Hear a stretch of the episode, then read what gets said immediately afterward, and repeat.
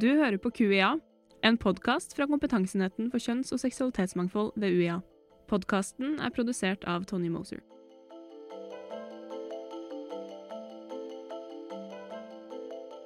I denne episoden møter vi Karina Karlsen, som står bak bloggen Fet, men fattet. Vi skal snakke om forskjellene mellom kroppspositivisme og fettaktivisme, og om problemene rundt BMI-modellen. Vi snakker også om hvordan man skal stå i kroppspress når man ikke møter normer og forventninger rundt idealkroppen. Tusen, tusen hjertelig takk for at du møtte meg. Du satte deg tid til det her. Det er jeg veldig glad for. Jeg har gledet meg enormt til å intervjue deg. Hvis du kan bare gi en liten introduksjon, i fall noen ikke vet hvem du er. Eh, ja, eh, Karina. Eh, jeg jobber på Likestillingssenteret, der jeg er rådgiver. Jeg er fettaktivist. Ja. Det er, ja, jeg er kroppsaktivist og fettaktivist. Altså det, iblant så er det sånn Hva skal man kalle barnet? Og jeg tenker at det kan være greit å åpne sånn Hva kaller man folk som er store kropper, overvektige, tjukke? Hva tenker du om begrepet? Jeg er veldig fan av å bruke ordet tjukk. Um, for meg så ligger det fortsatt litt for mye stigma i feit. Så jeg, jeg prøver å lære meg å eie det. Men tjukk er bare det motsatte av tynn. Jeg syns uh, ikke overvektig Det blir sånn medisinsk uh, begrep. Både det og fedme. Det er en måte å patologisere kroppen på. Så jeg bruker ikke det. Å kalle noen overvektig for min del, det blir sånn over hva da, liksom? Altså overhøy, underkort. Altså ja, at, at det blir sånn svevende begrep, da. En ting er jo at tjukk kan jo være Det er kanskje litt sånn som begrepet homo eller noe, at man tar det tilbake. Hvordan kan man bruke på en måte ordet tjukk da, uten at det har negative konnotasjoner? bruke det helt vanlig. Altså, hva, hva skal man ellers si? Jeg, jeg blir litt der, da. At uh, jeg er tjukk. Og det for meg er en beskrivelse av kroppen. Så veit jeg at noen Altså veldig ofte når du sier at du er tjukk, så blir folk veldig sånn Å, gud, nei, å nei, å, du er ikke det, og du er så pen, og du kler størrelsen din, og ikke sant. De skal trøste deg. Det jeg veldig ofte tenker da, er jo at folk um, drar en liksom parallell mot at tjukk betyr stygg. For det er veldig ofte det 'Nei, du er pen, Karina'. Sånn, jeg sa ikke at jeg var stygg, liksom. Jeg sa jeg var tjukk. Og det er jeg jo. Så ja, vi må bare rett og slett bruke det som et vanlig ord. Ja. Eie? Ja, og slutte å bruke det som et skjellsord. Det også har jeg fått. 'Å, du er tjukk'. Gratulerer. Du har øynene.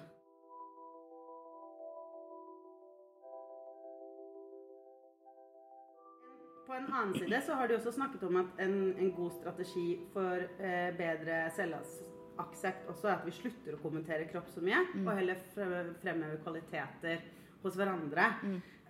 Hva, hvorfor tror du dette er en god strategi? Og hvordan snakker vi egentlig til hverandre og om hverandre i positiv forstand? Altså, Vi er et så kroppsfiksert samfunn. Um, og alle alle får beskjed liksom, så tynn du har blitt. ikke sant? Har du lagt på deg, nå må du ikke spise så mye. Og man kan trigge så mye. Og så tror jeg veldig mange tenker at det er um, um, Hva skal jeg si At de er hyggelige, da. At de er greie når de sier 'Åh, har du gått ned i vekt?' Men vi vet jo ikke hva årsaken er. ikke sant? Det kan jo være sykdom. Det kan være ufrivillig, det kan være brudd. altså Det kan være så mye galt. Og så trigger du, trigger du noe, rett og slett. Vi må eie begrepet tjukk. Det er jeg veldig opptatt av. Men det, det er jeg som bestemmer at, jeg, at jeg vil omtales som tjukk. Hvis vi i det hele tatt må omtale kroppen min. Men jeg tenker også at folk må rett og slett gi beng i å, ja, gi beng i å kommentere. Vi kan snakke om andre ting. Vi kan snakke om at folk er dyktige til noe, at de er inspirerende. Hvis du først skal gi komplimenter, så ikke la det være fokus på utseendet. Hvordan er det man kan si ifra? Jeg tenker at man, Noen ganger så eh, er det ikke alle som har, har sånn kraft da, eller pondus. Er det noen god strategi på å si ifra når noen eh, kommenterer kropp eller gir hva heter det, backhand compliments? Jeg er jo veldig fan av å være direkte. Så jeg har vel lært meg etter hvert til å si at eh, kroppen min er ikke oppe for diskusjon. Det er ikke, det er ikke din sak.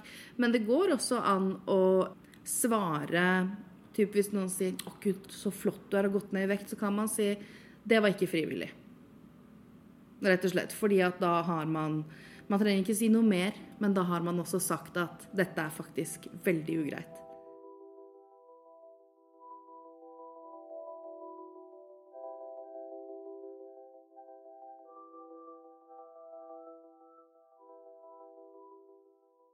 Hva er egentlig kroppspositivisme?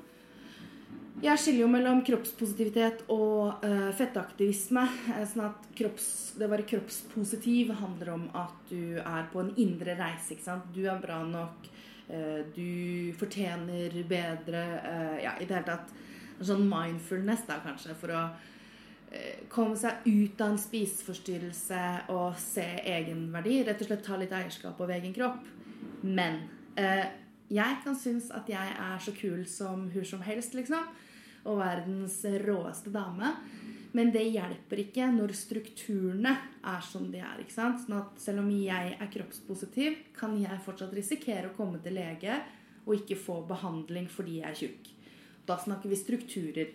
Jeg kan også risikere å tjene dårligere fordi jeg er tjukk. Ikke bli tatt på alvor i overgrepssaker. Ikke sant? Så det er alle disse tingene. Så fettaktivismen jobber mot strukturene. Og disse strukturene rammer oss alle, uavhengig av kropp. Men det rammer selvfølgelig noen hardere enn andre. Og så kan man ha en sånn um, individuell motmakt, som er da kroppspositivitet, da.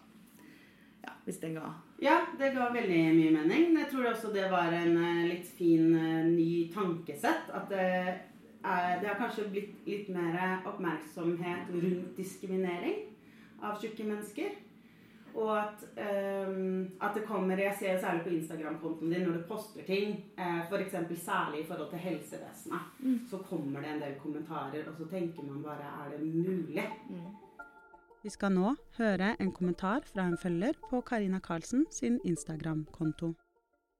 I over ti år sleit jeg med det ene kneet. Det gikk ofte ut av ledd, og jeg hadde sterke smerter ved fysisk aktivitet. Jeg gikk til flere leger, var i røntgen og etterspurt spesialist. Fikk til svar at overvekt var årsak. Jeg spurte hvorfor ikke det andre kneet hadde like mye problemer, om det var vekt som var årsak.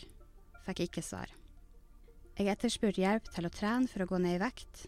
Fikk beskjed om at det var mitt ansvar. Jeg måtte bare spise mindre og gå mer tur. Sist gang det gikk ut av ledd, fikk jeg òg høre det var av overvekt. Ingen røntgen eller undersøkelser, og jeg sleit i ett år etterpå på grunn av det. Til slutt ble det ny røntgen og time hos spesialist, som kunne fortelle at vekt ikke hadde noe med saken å gjøre. Den gropa som kneskåla ligger i, er ikke dyp nok, og skåla ligger skjevt, som forårsaker utglidning, og smerter på grunn av utglidning. Han rista oppgitt på hodet når jeg fortalte at alle andre sa det var på grunn av overvekt. Han ga meg nyttige tips til hvordan jeg kan trene opp musklene, som kan hjelpe på kneet og smertene. Jeg gråt av glede når jeg gikk ut av kontoret. Etter ti år med smerter, sykemeldinger og utallige leger som ikke sier annet enn spis mindre, gå mer tur, får jeg endelig bekreftelse på at jeg ikke hadde noe med vekt å gjøre. Når jeg prøvde å finne ut hvorfor jeg sleit med migrene, fikk jeg beskjed om at det var av overvekt. Saken var en helt annen. Jeg trengte briller. Når jeg prøvde å få hjelp for depresjon, var svaret gå ned i vekt. Løsninga var noe helt annet. Jeg trengte traumebehandling. Å ikke få hjelp for det løsninga til alle problemer du måtte ha, er å gå ned i vekt, vil jeg kalle diskriminering. Man vegrer seg for å oppsøke hjelp bare fordi man er tjukk, og om ikke det får alle varselslys til å blenke som et diskotek, så vet ikke jeg.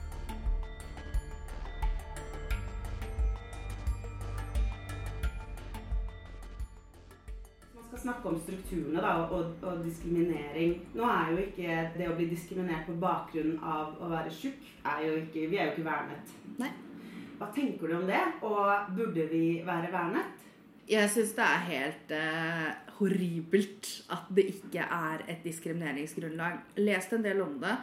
Og tjukk det havner i en sekkekategori sammen med stygg. Uh, og jeg tenker at du ser på et menneske om de er tjukke eller ikke. Stygg er en individuell greie, hva du ikke syns er tiltrekkende. Um, sånn at uh, Ja, jeg er ganske forbanna på det. Uh, og vi ser jo at folk blir diskriminert. Det var en doktorgrad som ble sluppet nå for ikke så lenge siden, uh, hvor man fant ut at tjukke damer tjener ja, hva var det, 47 000 mindre enn tynne damer i Norge. men det kan ikke LDO eller noen gjøre noe med, fordi at det er jo ikke et diskrimineringsgrunnlag. Så vi er nødt til å gjøre noe, og det er mitt store mål før jeg dør. At det skal bli et diskrimineringsgrunnlag. I 2021 avla Christine Hansen Edwards doktorgradsavhandlingen sin med tittelen 'Economic Consequences of Elevated BMI in Norway'. I doktorgraden undersøkte hun bl.a. sammenhengen mellom vekt og inntekt, og et sentralt hovedfunn var at tjukke kvinner tjente 47 000 mindre i snitt enn tynne kvinner. Samtidig fant hun ut at høy BMI ikke så ut til å påvirke inntekten blant menn. Høy BMI kan derfor ha økonomiske konsekvenser for kvinner som kan ha sammenheng med direkte eller indirekte diskriminering i arbeidslivet. Fordi diskriminering på bakgrunn av fedme ikke er regulert under likestillings- og diskrimineringslovgivningen, betyr det i praksis at Diskrimineringsnemnda ikke kan benytte seg av denne loven i saker der det kan tenkes å være usaklig forskjellsbehandling pga. høy BMI. Hva tror du må til for å få det igjennom? Vi må øke kunnskap, tror jeg. Fordi det narrativet vi selger om store kropper, om tjukke kropper, det er så snevert at det å være tjukk, det er et moralsk Det blir ansett som et moralsk problem. ikke sant? Um, og du har tatt dårlig valg i livet, så da har du bedt om det sjøl. Og det er farlig og bla, bla, bla, bla, bla. ikke sant? At vi har en sånn låst tanke.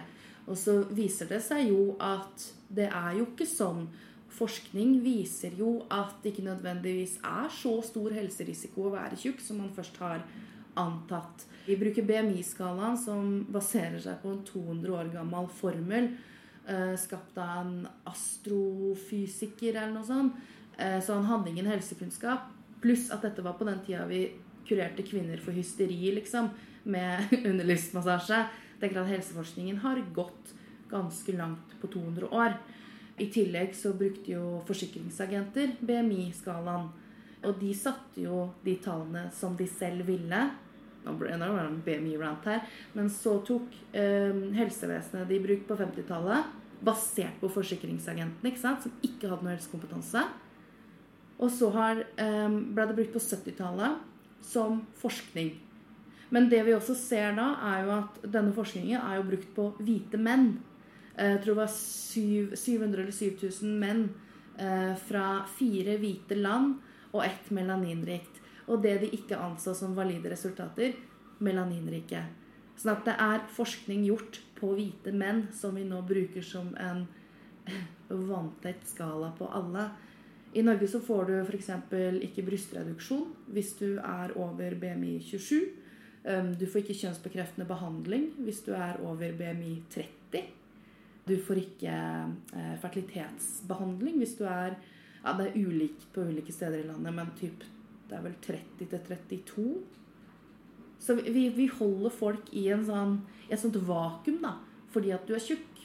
Og jeg kan ikke, forbanna her, kan ikke fatte at det, vi liksom sier at noen er genetisk tynne. Hvorfor kan ikke da folk skjønne at noen er genetisk tjukke også? Ja. Åh! Faen, jeg blir så sur. Eh, ja, det er jo helt fantastisk at du blir sur. Det er jo noe å bli sur for.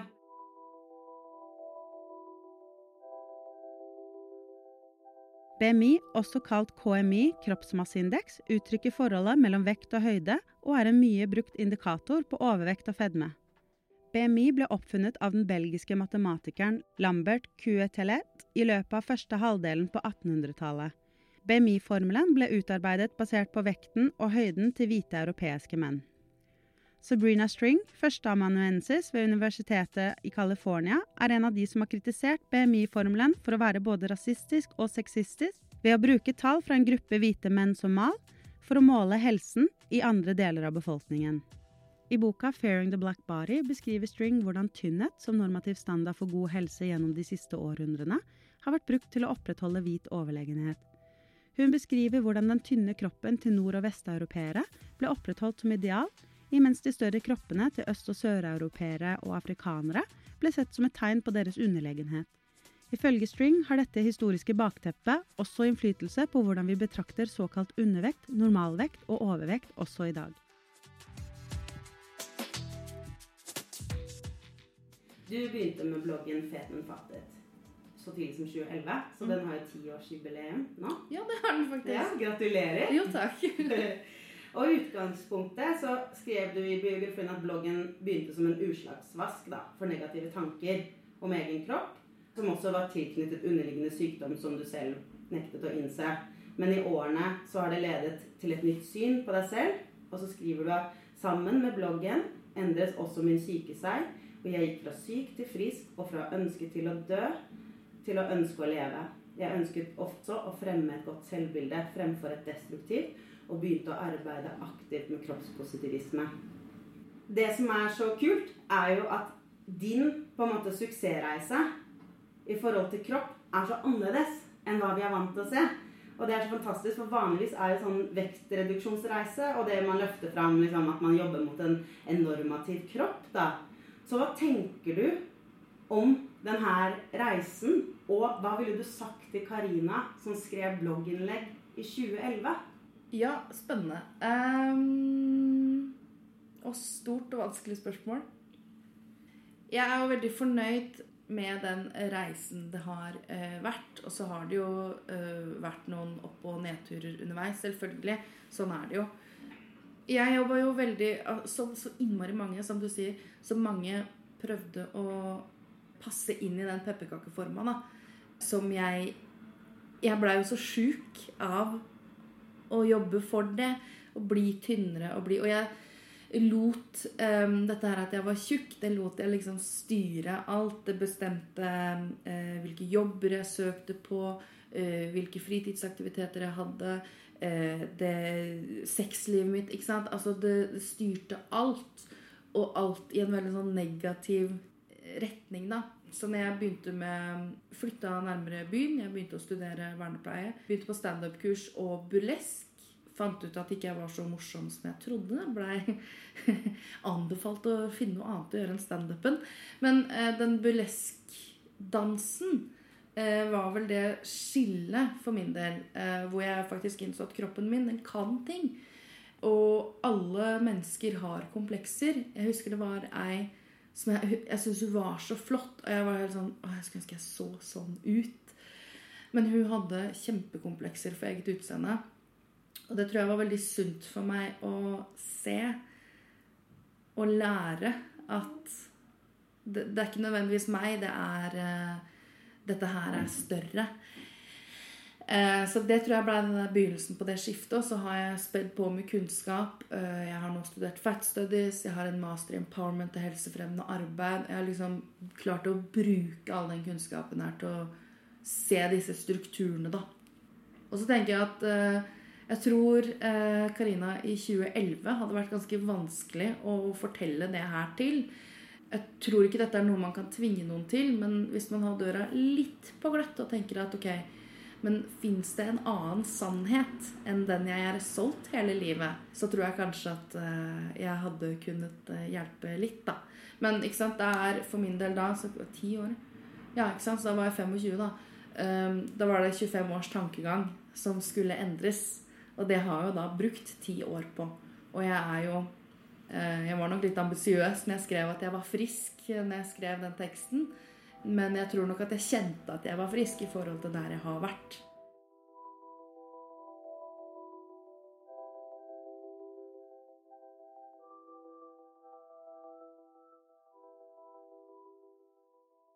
Hvordan kan man ikke sant? Man er sine kropper, og så går man ut i samfunnet. Hvordan kan man forklare det å være en stor kropp i samfunnet, og hva det innebærer?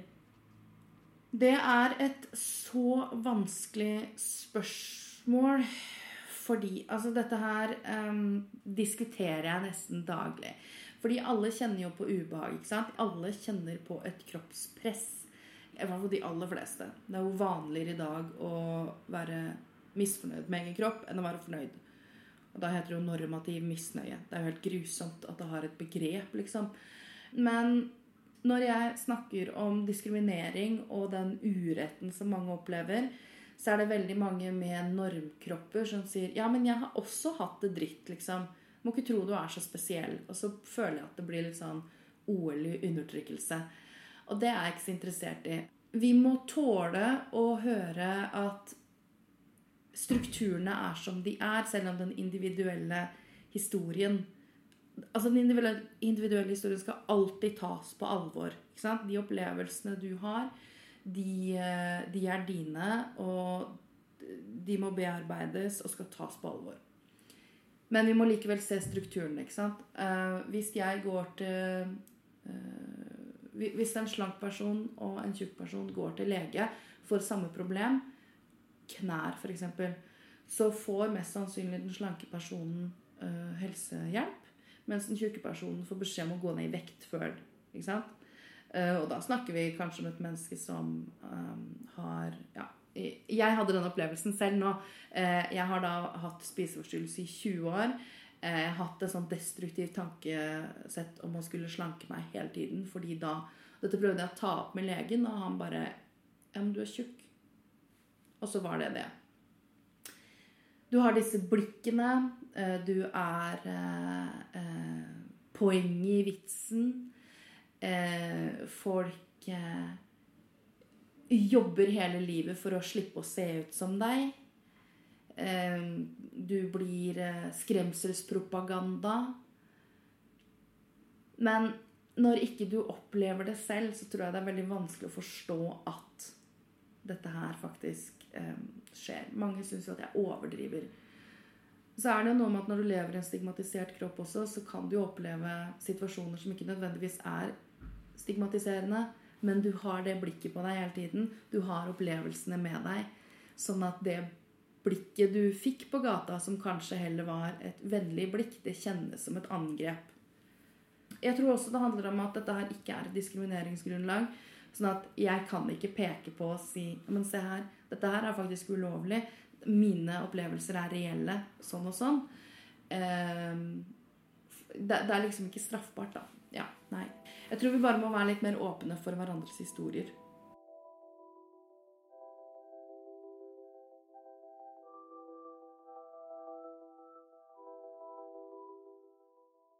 Tilbake til kroppen. Mm. Du sier det her med at burlesk var en frigjørende hobby mm. som endret synet på hvordan du betraktet deg selv, eh, og at det hjelper å holde spiseforstyrrelsen i sjakk.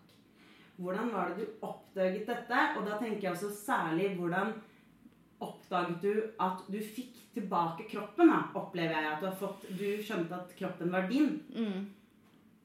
Altså, jeg har jo alltid vært en sånn uh, uh, rockabilly-entusiast. Så jeg um, kom jo fra bygda, vet du. så jeg um, var kjent med burlesk uh, gjennom det. Og så tror jeg det gikk en jeg, altså, jeg, kom på at jeg skulle begynne med det. Vet jeg ikke. Gikk vel en liten faen i meg, da. Tenkte at nå skal jeg. Men um, det å stå i det studio Jeg var den tjukkeste. Og det var ganske krevende de første gangene. men for det første så traff jeg en eh, annen, um, ei annen der som i dag er en av mine beste venner. Tror det var ganske sånn med en gang hun hadde flytta til byen. Hun var skeiv og falt litt utenfor. Uh, så vi fant vel hverandre i det, da, at vi begge falt litt utenfor. Så det var én ting. At jeg opplevde litt trygghet. Selv om hun var slank og flott og alt det der. Så skilte vi oss litt ut sammen så er det også noe med instruktøren vår var veldig sånn øh, kroppspositiv. Usikker på om hun vil kalle seg det, men det var eh, Det rister jo mye burlesk. ikke sant? Du skal bevege deg og sånn. Og hun var veldig opptatt av at kroppen din gjør bevegelsene på sin måte. Og det tenk det deilige mangfoldet vi har i denne gruppa her. ikke sant? Og at store pupper bruker eh, lengre tid altså det er sånn dusker på puppene, ikke sant? bruker lengre tid på å snurre, men da får du skikkelig snurr. Mens mindre pupper de snurrer fortere. ikke sant? Eller at store rumper rister mer enn små rumper, og små rumper har andre egenskaper. ikke sant? Så, så det var liksom uansett hva slags kropp vi hadde, så var det positivt. Eh, og det er vel første gangen jeg hadde opplevd. Eh, så når vi var vi tolv svette damer, liksom, så dette var tolvukerskurs, så gradvis. Sånn at når vi da siste timen skulle kaste bh-en og snurre rundt for alvor gjennom koreografien Alle var så gira og høye på seg sjøl at hadde hun da sagt 'riv av dere trusa', så hadde vi revet av den nå, liksom. Men det som er, da, er at der fant jeg et frihetsrom. Men når jeg ikke er burleskartist, når jeg ikke er Fifi Fantasil, men er Karina, og heller ikke Fet, men fattet, men Karina, så har jeg jo ikke de trygge rammene lenger. ikke sant? Da er jeg jo meg sjøl. Når jeg går ut av det dansestudioet, eller ut fra den scenen, så er jeg meg igjen. Og da rammer jo strukturene. Jeg er veldig opptatt av at man prøver å finne seg et sånt frihetsrom, da, hvor man ikke har disse kravene hele tiden. Eh, og det tror jeg gjør at man er litt mer rusta for hverdagen. Jeg har blitt mye tøffere etter at jeg eh, begynte med burlesken. Blitt mye tøffere etter at jeg begynte å uttale meg om dette her, og etter at jeg skaffa meg kunnskap. Men jeg får jo fortsatt de samme blikkene, ikke sant? Eh, men jeg er kanskje litt mer rusta til å ikke bry meg om de, da.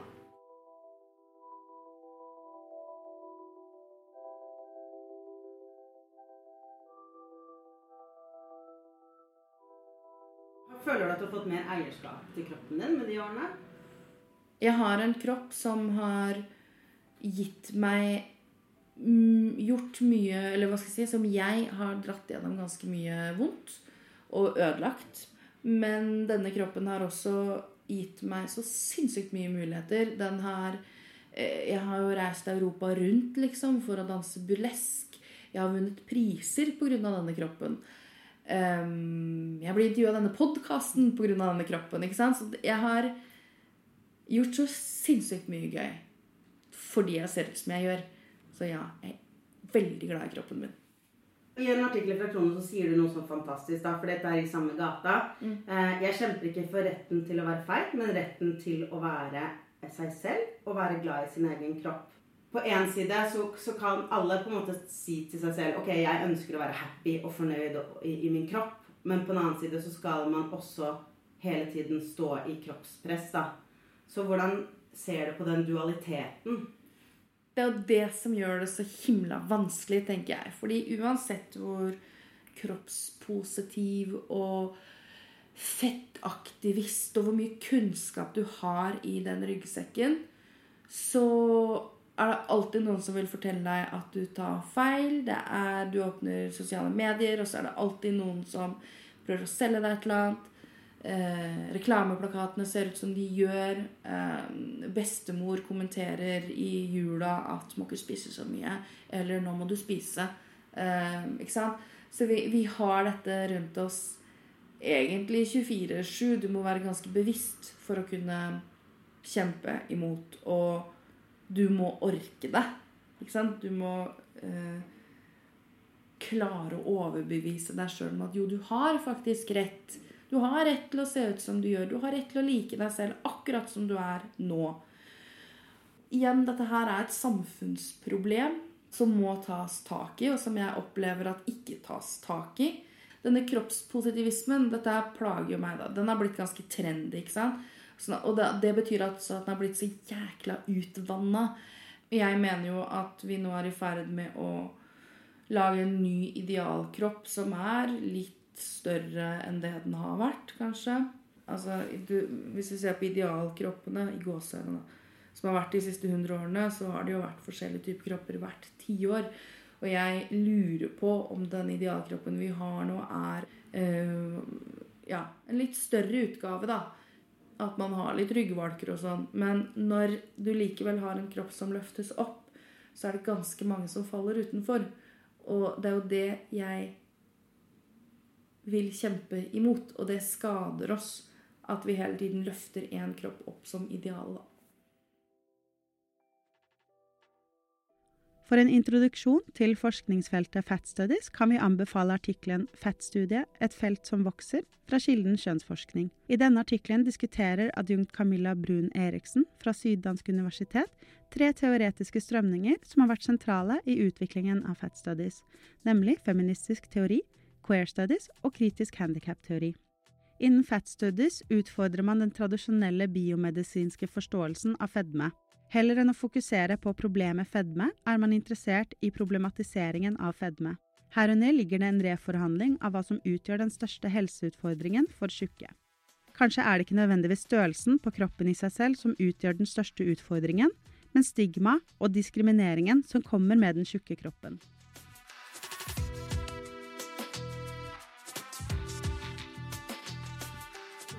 Skal snakke om seksualitetsmangfold da, og retten til seksualitet og nytelse, er at det er noen grupper som ikke får lov til å ha det, eller som ikke antas å ha en seksualitet. Mm. Og, og, det å være tjukk er jo en av de. Mm. Hvordan kan det å være tjukk brukes eller misbrukes innenfor sex og nytelse? Uh, åh, det her, her er det mye å ta. Altså, sex som tjukk kan være kjempebra. eh, hvis du har et eh, godt forhold til egen kropp og en partner eller partnere du stoler på og i det hele tatt. Men eh, veldig mange er jo livredde for at å, jeg må holde inn magen. Eh, at eh, penis ikke ser stor nok ut fordi at det er hud, altså kropp rundt. Altså, ja, ikke sant? Masse bekymringer. Uh, utseendemessig bekymring. Som gjør at nytelsesaspektet forsvinner. Spesielt i den eh, oppvarmingsfasen. fordi da er det så fokus på hele kroppen. ikke sant? At da kommer alle de usikkerhetene. De bare ikke sant? Så man klarer ikke følge med.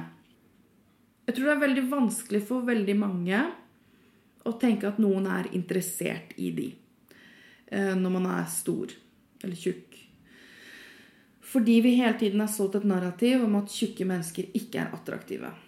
Og så har vi, vi har også utrolig mye sånn kjipe sexmyter at um, Nei, det er som med tjukke damer som det er med motorsykkel. Alle har lyst til å prøve, men ingen vil si høyt at de gjør det. Uh, tjukke jenter suger bedre enn uh, en tynne fordi de alltid er sultne. At uh, tjukke menn, er, ja, egentlig tjukke folk generelt, er bedre seksualpartnere fordi at de de er så takknemlige for at noen vil ligge med dem. Så du kan gjøre akkurat hva du vil med dem. Og den er det mange som lever etter. Så det er mye grenseoverskridende sex når det kommer til tjukke folk. Og vi tror jo på det selv. ikke sant? Vi har vokst opp med det her og lært det her, sånn at vi lar folk gjøre ganske stygge ting. Det er mye, mye å ta tak i her, men det bunner ut i at tjukke folk ikke anses som attraktive, og at da kan man behandle de dårligere. I tillegg så um, har jeg lest noe forskning som viser at um, tjukke mennesker sjeldnere blir trodd i overgrepssaker fordi det er en holdning at ja, men hvem vil ligge med deg, da? Samme forskningsrapporten viste at når um, Dette var vel gjort på kvinner. Uh, sånn at når overgriper var altså, hva skal jeg si, konvensjonell attraktiv, så var det Mente folk at ja, men da Heldig som fikk ligge med han. Mens hvis overgriper var eh, tjukk, så skulle, da mente folk at han burde få strengere straff, for da var han ekkel. Artikkelen som Karina henviser til, er skrevet av Yamawaki, Riley, Rasmussen and Cook og har tittelen The Effects of Obesity Myths on Perception of Sexual Assault Victims and Perpetrators Credibility. Som Karina Karlsen nevnte, viser denne artikkelen at overvekt har implikasjoner på troverdigheten til offeret. Videre har det også påvirkning på troverdigheten til overgriperen. En ting er at uh, man har disse store strukturene, men så har det også den her internaliserte fordommene og diskrimineringene og de, det tankegodset. da. Mm. Hvor kan man starte for å ta tilbake seksualiteten sin, og særlig egen nytelse og rett til å hevde seg selv og sette grenser? Onani tenker jeg er et veldig godt sted å starte. Um, jeg har vært der sjøl, jeg har hørt mange andre som har vært det òg, at uh, man har unngått å onanere fordi man selv har syntes at man er så ekkel. Eller at man har hatt skyldfølelse etterpå uh, av den grunn. At liksom, jeg fortjener ikke å ha disse følelsene. Dette er, ikke, altså, dette er for alle andre enn meg. Så jeg tenker onani er et godt sted å starte. Og så må man tror vi må øve på grensesetting. Ikke sant? Og huske på at ja, men jeg har rett til å si nei. Altså så banalt som det. Det tror jeg folk generelt er ganske dårlige på.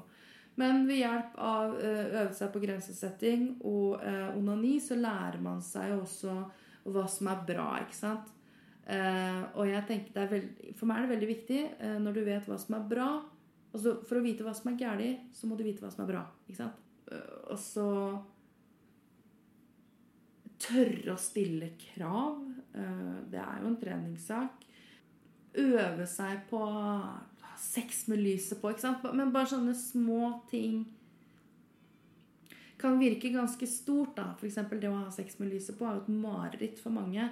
Eh, men, men rett og slett øve seg på disse tingene og klare å se seg selv som et seksuelt attraktivt objekt. Men, men jeg tenker at det, det, handler jo om å få litt mer selvtillit på andre arenaer også. Eh, altså Den seksuelle selvtilliten tror jeg kommer med andre ting. Og eh, tenker at det er ingenting som er så bra som å faktisk tillate seg selv å tenne på seg sjøl.